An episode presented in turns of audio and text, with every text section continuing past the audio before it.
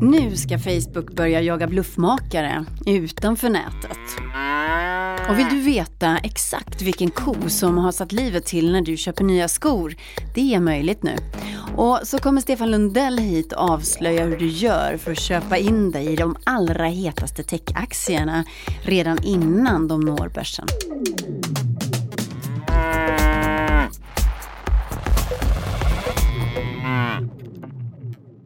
Det är Black Friday, e-handelns pangdag, i alla fall om du lyssnar på den här podden samma dag som den publiceras.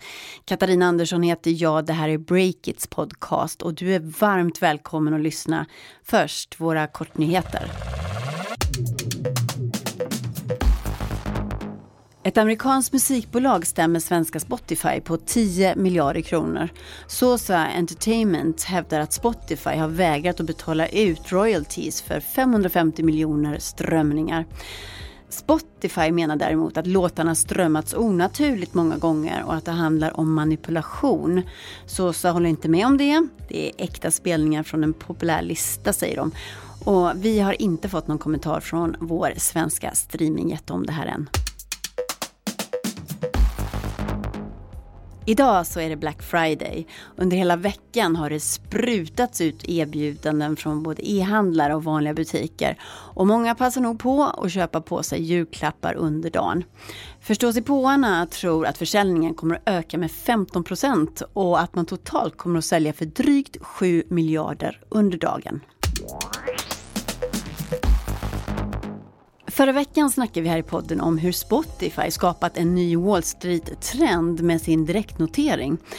Och det verkar som Wall Street vill möta det här nya sättet att börsnotera ett bolag. Så nu har Wall Street Stock Exchange skrivit till Finansinspektionen, SEC, och bett myndigheten att öppna för möjligheten att direktnotera och samtidigt göra som man gjort tidigare, hämta in pengar från allmänheten. Det här rapporterar CNBC. Snart så kommer Erik Wisterberg hit. Eh, nu ska Facebook ut och jaga bedragare och de satsar stort, säger de själva. Är det här en del i Facebooks skärmoffensiv? Hur ska det gå till? Strax här i Breakits podcast alltså. Hej, Olle Aronsson här på Breakit och den här veckan hälsar jag NetSuite by Oracle varmt, mycket varmt till och med välkomna tillbaka som poddsponsor. NetSuite by Oracle erbjuder ju eh, tillväxtbolag en molnbaserad ERP-lösning som hanterar er finansiella information som redovisning, fakturering, orderhantering med mera. De är eh, en tjänst som gör det möjligt för er att fokusera på kärnverksamheten helt enkelt. Och NetSuite by Oracle, de vill också hjälpa non-profit-organisationer att växa med teknikens kraft och Därför så har de tagit fram NetSuite Social Impact Program som sedan 2006 har stöttat över 1500 non-profit organisationer och donerat mjukvara till ett värde av 100 miljoner dollar. Häftigt tycker jag. En av de ideella organisationer som eh, tar del av det här NetSuite Social Impact Program är svenska Reach for Change. Om du vill läsa mer om NetSuite by Oracles ERP-tjänst, gå in på eh, www.netsuite.com breakit, alltså n-e-t-s-u-i-t-e.com breakit. Tack NetSuite by Oracle. Det är nytt typ av mixställ, vilket innebär att det inte är något mixställ alls, utan man håller micken med handen. Det går bra. Ja, så här. du ser bedrövad ut. Jag har ju bättre förutsättningar hemma hos mig att spela in podd än vad du har här.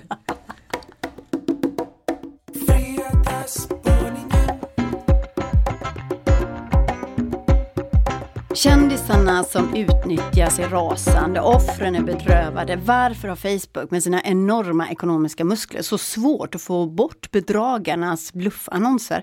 Erik Wisterberg har intervjuat en av Facebooks toppchefer som nu lovar tuffare tag. And we have Eric uh, from the publication Break It on the line. Good to uh, connect with you. Happy to answer any questions you have. Så där lät alltså. Du har pratat med en av Facebooks toppchefer från USA, Erik. My name is Rob Leathern, so I run the product team for a group called Business Integrity here at Facebook. Och hans jobb är alltså att se till att alla bluffannonser som sköljt över Sverige, bland annat då med falska löften från kändisar, stoppas. Vad hade den här personen att komma med? När man bevakar Facebook så lär man ju sig att liksom känna igen deras talepunkter. Och de här går ju från Mark Zuckerberg och ner i liksom chefsleden. We have over 35,000 people working on security and content Och det är ofta att det här är 35 000 nu som jobbar med säkerhet och de lägger lika mycket pengar på säkerhet nu som hela deras omsättning vid börsnotering och så saker som att de jobbar varje dag med att skydda folk från bedragare. Det här tycker jag låter nästan ordagrant som det som Mark Zuckerberg sa i sitt brandtal om yttrandefriheten för en dryg månad sedan när han stod på något universitet och gjorde det. Men jag vet att du pumpar på, du kanske hade 30 minuter eller någonting, alltså du pumpar på med alla möjliga frågor. Och du lyckades få ut en nyhet på det här.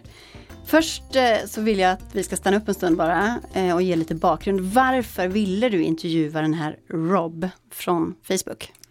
Det var hösten 2018 som jag började granska ett nytt fenomen. Stefan Löfven, Magdalena Andersson och eh, Spotify-grundaren Daniel Ek dök upp i konstiga annonser på Facebook. Och den som klickade på de här kom till falska nyhetssajter med artiklar som lockade med rikedom för den som ville investera i olika bitcoin-projekt. Och vår artikel fick ju regeringskansliet att inleda en egen utredning. Själv trodde jag då att Facebook liksom skulle sätta ner foten där rejält och få bort de här uppenbara bluffarna. Speciellt då eftersom den här debatten om fake news var så het just då. Så vad var det som hände då om de inte tog bort dem? Den här våren så kom ju en ny och mycket större våg av samma typ av bluffannonser. Och massor av svenska kändisar har sedan dess blivit liksom utnyttjade och deras namn och bild används för att locka in folk i rena bedrägerier. Och folk blir ju faktiskt lurade. Hundratals svenskar har polisanmält. Och det handlar ju om allt från ett par tusenlappar till så här hjärtskärande fall med människor som blivit av med flera miljoner efter att ha liksom klickat sig in via de här Facebook-annonserna. Och om man ska bredda lite så har det faktiskt också förekommit på svenska mediesajter, samma typ av annonser eftersom det har nästlats in i Googles annonssystem. Och nu har ju många medier skrivit om det här problemet. Eh, så hur är läget på bedragarfronten just nu? Jag satt och surfade häromdagen eh, och då blev ju ironin nästan total för då fick jag upp en annons där Mark Zuckerberg, alltså Facebooks grundare, eh, kom i en sån här bluffannons och då klickar man vidare sig där och då är det liksom Facebook Libra eh, som ska göra mig rik då. Så att eh, de, man kan lite spetsigt säga att de tjänar faktiskt pengar på att sälja annonser till bedragare som använder deras egna grundare eh, som lockbete. Ja, det är helt absurt. Och eh, samtidigt som jag snackade med Rob där i USA, då kom det en, en ny annons upp i mitt flöde med Bianca Ingrosso. Så att de här bedragarna hittar hela tiden vägar runt Facebooks system. Och polisen tycks ju faktiskt också stå maktlös för anmälningarna eh, från offren läggs ner. Och om vi då återvänder till din intervju med Facebook-chefen Rob, vad hade han att komma med? Jag var bara tvungen att fråga honom om den här Zuck-annonsen, eller Zuckerberg-annonsen. Och han tyckte jag det var ett bevis på att det här verkligen är ett problem och att det inte är acceptabelt oavsett om det är Mark Zuckerberg eller någon annan som utnyttjas. Och han pekar ju på att det är tekniskt skickliga och välfinansierade aktörer som står bakom den som hela tiden lyckats liksom hitta sätt att lura Facebooks system. Men han kom också med en skarp nyhet faktiskt. Nu har du pumpat upp eh, nyfikenheten. Vad är det för nyhet? Tidigare har Facebook jobbat nästan bara med åtgärder på sin egen plattform. Alltså man tar bort de här annonskontona, man släcker annonser, man försöker liksom rensa bort fake-användare. Eh, Man har också lämnat över material till polisen i vissa fall där liksom brotts- brottsutredningar eh, kräver det. Men nu ska Facebook jobba för att hitta skurkarna och själva dra dem till domstol. to um, och så här sa Rob Leathern om det. We're exploring certain enforcement actions and legal actions we can take ourselves. And we'll have more to share on that in the near future, but we think that you know we have to take a multifaceted approach to uh, to prevent these scammers from operating on the platform. Okej, så han säger här att han undersöker möjligheten att kunna göra egna anmälningar mot de här bedragarna då? Ja, jag ställde ju massa följdfrågor om det här eh, och Rob ville inte ge några detaljer för han, han liksom hintade om att det kommer mer information som Facebook ska gå ut med. Men konkret handlar det om det, liksom, att Facebook själva ska ta de här bedragarna och släpa dem till domstol kanske för att statuera exempel, att liksom man kan inte härja hur som helst på deras plattform, utan då kommer ett eh, väldigt rikt företag med sina välbetalda jurister att i alla fall plocka ut några av dem och eh, försöka få dem dömda. Det här är jättespännande. Men hur ser du på det här? Är det här en del av Facebooks skärmoffensiv eller är man pressad att göra den här typen av självsanering kan man ju kalla det för att man inte då ska bli hårt reglerad av politiker eller styckas upp som bolag? Facebook pressas ju från massa håll just nu och debatten nu handlar ju mest om att politiker ska få köra annonser med lögner, så det är där fokus är. Men och så det här är ju bara en liten del av Facebooks liksom, imageproblem. Eh, I det här fallet så handlar det nog kanske om att deras användare faktiskt råkar väldigt, väldigt illa ut. Och då vill nog Facebook nu då visa mer handlingskraft, för det kanske inte låter så starkt för någon som har torskat ett par miljoner kronor att Facebook ja, stängde ner deras annonskonto. Nej. Utan det, det, här är någonting väldigt konkret och det är ju ett eh, skifte i hur Facebook har hanterat den frågan. Så får vi se hur det funkar och om de faktiskt lyckas hitta de här skurkarna och få dem dömda. Om en liten stund så kommer Caroline Englund hit, vår e-handelsexpert.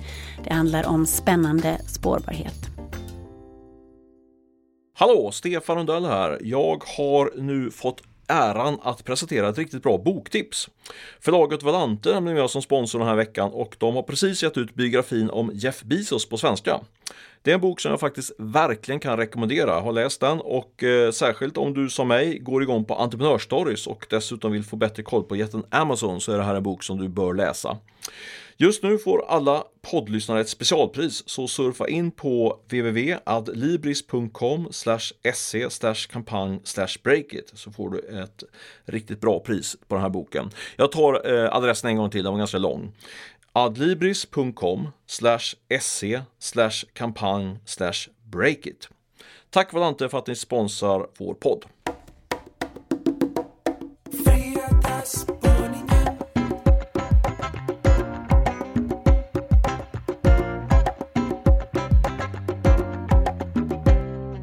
Först kom butiksdöden, sen köpskammen. Modeindustrin har det minst sagt lite kämpigt just nu. Men kan QR-koder på broccoli och lyxskor i koskinn vara lösningen? Breakits reporter Caroline Englund har grottat ner sig i spårbarhet, som är det nya heta inom retail just nu. Hallå Karo. Hej! Nu får du berätta, vad handlar det här om egentligen? Eh, ja, jag tänkte börja med att berätta om ett par lyxiga herrskor. Mm. Eh, jag kan inte berätta så mycket mer än att de är svarta och de, alltså jag kan inte så mycket om skor men de ser ut som ett par fina herrskor. Uh. Eh, och eh, de här är designade då av entreprenören Josefin Liljekvist och de kostar 28 000 kronor. 28 papp för ett par skor alltså? Precis. Mm. Men vad är det som är så speciellt med de här skorna då?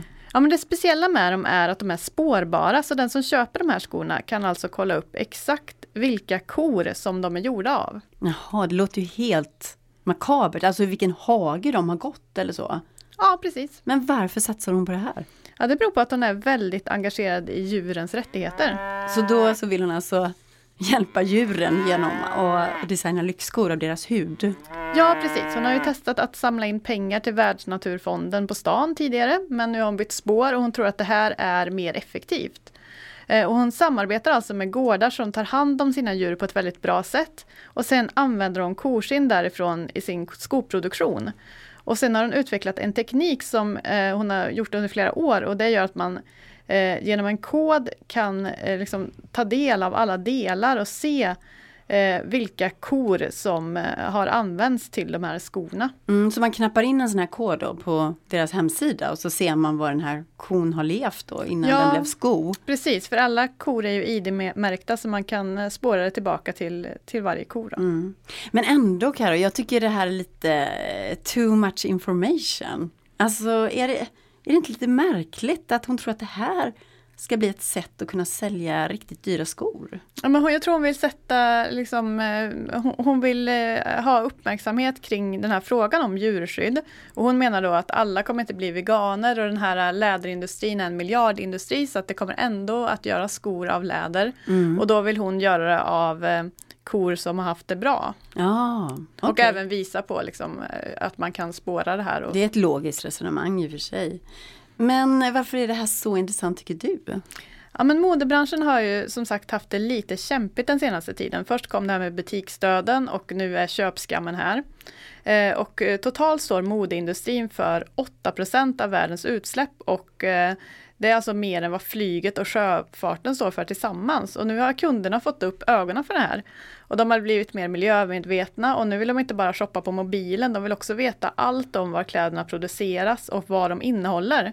Och därför är alla bolag som jobbar med den här typen av spårbarhet lite extra intressanta tycker jag. Mm, och då antar jag att du har hittat fler än bara det här eh, koskinnsskorföretaget. Eh, Ja men precis, ett exempel är modebolaget Asket som bland annat säljer tröjor av merino-ull. Vad är det för någonting? Eh, ja men det är en eh, sp- speciell ull som gör att eh, de är väldigt bra att ha när man är ute och vandrar till exempel. De eh, blir varma när det är kallt och kalla när det är varmt. Mm. Så vad är, är det med de här tröjorna då? Eh, Ja men om man går in på deras hemsida så kan man klicka på en tröja man vill ha. Och då kan man se allt om den här tröjan, alltså från vilken gård i Australien som fåren som har haft den här ullen kommer ifrån. Och sen kan man se att ullen har kammats i Tjeckien, att den har stickats i Italien och sen att den har tvättats och packats i Tunisien till exempel. Men det blir som ett avslöjande att den här tröjan har ränt runt hela jorden för att, för att komma till på något sätt. Så, så är det verkligen så det ser ut? Mm, ja men det är ju det och det är det här som kunderna vill och behöver veta när de ska handla. Eh, och det är väldigt många företag eh, inom e-handel som sneglar på det här och ett exempel är Alibaba, den stora e-handelsjätten i Kina som eh, har tagit det här. De, de, för dem är det självklart att om en kund går i en av deras butiker och till exempel ska köpa broccoli så finns det en liten QR-kod där som man kan scanna och se exakt var broccolin är odlad och hur den har producerats och ja, när den kommer gå ut. Men är det några stora företag i Sverige som har hakat på den här trenden? Ja, men jag pratade med H&M igår till exempel och de är väldigt inne på hållbarhet just nu. Och de har redan nu att i deras app så kan man scanna kläder och se var de är tillverkade. Så jag gick ut och testade det här på lunchen och mm. då Vad skannar du med då? man eh, laddar ner H&M's app och så kan man eh, genom den då scanna olika produkter. Så Ja. jag gick och scannade en barnklänning till exempel. Och då fick jag inte så jättemycket information. Det stod att den var tillverkad i antingen Kina eller Taiwan. Mm, och det känns ju inte så här, ja men det sånt, eh, ja, den informationen brukar man ju få. Men sen scannade jag lite mer kläder och då var det på en tröja som jag fick reda på vilken fabrik den var tillverkad på. Så de håller väl på att utveckla det här och fyller på med information. Mm. Och de har ju en del att jobba på om de ska gå lika långt som till eh, de här som kan eh, man kan spåra ända tillbaka till fåret eller kon. Ja. Så att det finns Men en i alla fall så är det ju bättre än bara den här lilla taggen där det står Made in China. Ja, man får mer information nu i alla fall. Mm. Och framtiden för det här, eh, vad tror du om den? Ja men med tanke på att den globala marknaden för mode är värd 2500 miljarder årligen så finns det ju ganska mycket pengar och eh, kunder att eh, hämta. Jag kom bara på ett exempel nu att eh, investerarna har ju redan fått upp ögonen för det här för att eh, för bara någon månad sedan så investerade Sara Wimmerkrans och Susanna Jaffi i ett bolag som jobbar med just sån här teknik spårbarhet så att jag tror att det är hett eh, bland investerarna också. Mm. Vi får se vad som händer, du följer utvecklingen. Det gör jag. Okej, tack Karo. Stefan Lundell är på språng in till poddbåset. Han har som vanligt lagt örat mot rälsen och nu ska han spana om hur du kan bli riktigt rik. Tjena, det här är Olle Aronsson på Breakit och jag är tillbaka och ska prata om nästa sponsor i podden, nämligen Atea, eh, Nordens största IT-leverantör. För Atea så är ju hållbarhet oerhört viktigt och därför hjälper de sina kunder hantera hela livscykeln för all IT-utrustning. Från inköp, underhåll, service till återtag, återvinning eller återanvändning. Eh, årligen så återtar Atea eh, 300 000 gamla IT-produkter som de sorterar utifrån hur de kan återanvändas och säljas. Ehm, och ja, de delar upp helt enkelt, sorterar vad kan återanvändas, vad kan säljas, vad kan återvinnas? Och allt detta sker på ett rykande färskt och toppmodernt logistik och recyclingcenter på 27 000 kvadratmeter, inte illa, som ligger i Växjö. Eh, och tanken med de här nya lokalerna, det är att Ateas kapacitet ska öka och samtidigt som koldioxidutsläppen ska minska. Därför så är 3000 kvadratmeter av takets yta dessutom täckt av solceller, vilket tillgodoser större delen av verksamhetens energibehov. Vill du veta mer om Atea och deras tjänster surfa in på www.atea.se. Tack Atea!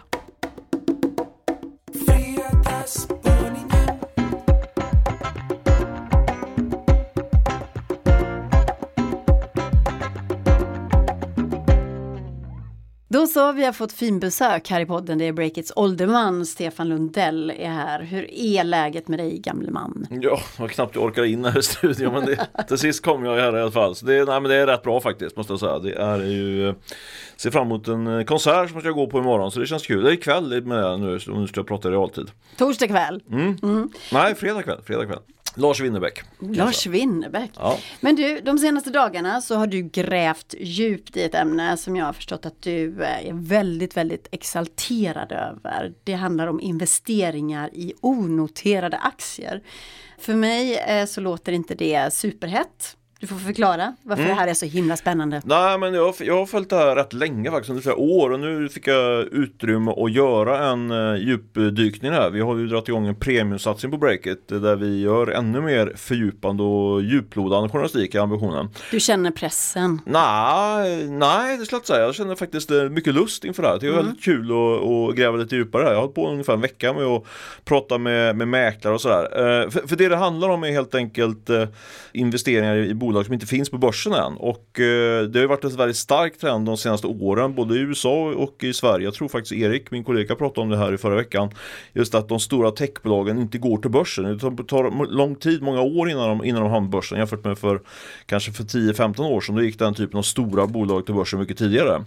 Eh, så det eh, gör ju att den här marknaden utanför börsen har växt ganska mycket. Eh, Spotify är väl kanske det tydligaste exemplet eh, där det var en väldigt omfattande aktiehandel i i Spotify långt innan eh, bolaget hamnade på New York-börsen och eh, om du då hade kommit in där ägaren något år tidigare innan de, innan de noterades så kunde du faktiskt göra ett klipp på ett flera hundra procent. Så det är ju kittlande såklart. Så därför vill jag gräva lite djupare här och se hur, om man kunde hitta några nya vinnaraktier utanför börsen. Mm. Men alltså, det här låter spännande. Ja. Men om man då som vanlig dödlig småsparare vill investera i ett företag som Spotify innan de är på börsen, hur gör man då? Ja, det är det jag har grävt vidare i då. Det, man kan säga förenkla kan man säga. Eller först måste jag faktiskt säga en liten här varning eh, för detta. För det är ju det, det är en väldigt eh, riskfylld handel det här. Och eh, sen är det ytterligare en sak att man behöver vara, man behöver vara ganska välbärgad för att kunna komma in på den marknaden. Men, eh, men, det, men man kan ändå som, som privatinvesterare komma in här. Eh, men åter till din fråga hur det går till då. Då kan man säga att det finns två olika sätt. Dels det, det, det, svåra avancerade sättet är att man helt enkelt kontaktar bolaget själv, till exempel vd eller någon grundare eller kanske finanschef och eh, hör sig för. Eh, och för I nästan alla de här bolagen så finns det ganska många aktieägare, kanske finns ett hundratal aktieägare. De har haft optionsprogram som har, som har resulterat att det blivit aktier till, till de anställda och sådär. Och det, folk slutar och kanske vill då casha in innan. Mm. och Eh, då, så då kan man eh, säga så här, hallå, hallå jag är sugen på att investera i det här bolaget och, eh, och ta upp den kontakten. Och det, det, kan faktiskt resultera i att man, att man får den möjligheten. Men det enklaste då, det, det är att gå via, via mäklarfirmor som Carnegie eller ABG eller Pareto. För där förekommer den här gråhandeln kallas det, alltså off, eh, handeln utanför börsen då. Så det är, där man, där man, det är de firmorna som man ska söka sig till om man är intresserad av att ge sig in i den här marknaden. Men, men hur rik måste man vara för att göra det här? För att det är ju inte om så här Sune Andersson, småsparare, ringer en vd någonstans och säger du jag vill vara med i ditt bolag. Alltså, mm. Slänger de inte bara på luren då tänker jag? Nej, i, i det fallet så tror jag faktiskt att det är lite större chans att de inte slänger på luren. Man, men däremot om man, om man ringer till någon av de här mäklarfirmorna då slänger de nog på luren ganska fort eller tackar för, tackar för visat intresse men, men inte, vi går inte vidare. För jag menar om du går in i den här typen av onoterade bolag så då kan det faktiskt vara så att man kan köpa in sig med några, kanske några hundratusen sådär. Men om du ska bli, eh, få chansen att investera via de här mäklarfirmorna som nämndes, då, då är det enklast att bli så kallad private banking-kund. Känner du till vad det är för något? Nej. Det är eh, rika privatpersoner kan man säga, eh, bankens finaste kunder eh, om du inte är en institution. Och då, oftast så krävs det att man har sådär 5-6 miljoner i, i kapital som man vill investera. Eh, och då, om man är en sån kund, då får man kontinuerligt erbjudanden för, från till exempel då eh, Carnegie som har en rätt stor eh, stock med sådana här private banking-kunder. Men eh, vad kostar det då att göra den här typen av affär? Ja, men det, det är betydligt dyrare än om man handlar aktier på börsen. Det kostar nästan ingenting nu i, i så kallat courtage eller avgifter. Men här kan man få betala 2, 3, kanske uppåt 5 om man, eh, om man har otur. Så det, det är ganska dyrt, en dyr form av eh, av investeringar. Men samtidigt är ju då uppsidan eh, eh, väldigt hög får man ändå säga. Så det är väl det, är väl det som är, eh, är det som lockar folk. Men sen är det då, kan man väl poängtera att det smartaste sättet är för att få ner kostnaderna när man gör den här typen av affärer, det är ju att, liksom runda mäklarna och då till exempel ringa eh, vdn eller finanschefen i, i bolaget. För det kan då uppstå lägen till exempel då som jag nämnde när, när anställda vill sälja eller eh, när de byter jobb och sådär. Mm. Så om man då vill eh, köpa in sig i Breakit, är det dig man ska ringa då? Ja, det är mig man ska ringa faktiskt. min, min linje är alltid öppen när någon vill köpa aktier i Breakit kan man väl säga. Nej, skämt åsido, men det händer faktiskt att, folk hör av sig och jag har haft eh, faktiskt påringar här senaste veckan. Så vi får se. Eh, viss eh, handel förekommer det faktiskt i Breakdags också. Men, men eh, inte så omfattande, utan det är de bolag som jag highlightar i den här artikeln. Jag lyfter fram en, ett tiotal bolag där det verkligen pågår en hel del handel. Bland annat är det Klarna, Bynk och Acast. Så du har gjort en ganska unik lista där då? Ja, jag är lite stolt själv. Jag tycker verkligen att ni ska gå in och läsa den här på breaket, då är det ju då en, en eh, premium, eh, två premiumartiklar. Så man får ju eh, investera några kronor i för att få, få tillgång till det här. Men jag vill hävda att det är väl investerade pengar faktiskt. Så, så gör det om jag får uppmana. Tusen tack för att du kom hit Stefan. Tack så mycket. Kändes det bra att hålla mycket sådär? Ja, jag gillar det. Det är så här klassiskt med Sven Jerring Har du inte sett de bilderna på honom? Det är så här klassen står och pratar. Så, så var det lite sån feeling. Vi tackar nu för oss och som du vet så är vi tillbaka med en ny podd nästa fredag. Ansvarig utgivare för Breakits podcast är Olle Aronsson. Jon Wahlqvist är poddredaktör. Fredrik Nilsson mixar för det mesta. Idag har jag gjort det själv och jag heter Katarina Andersson. Tack för idag.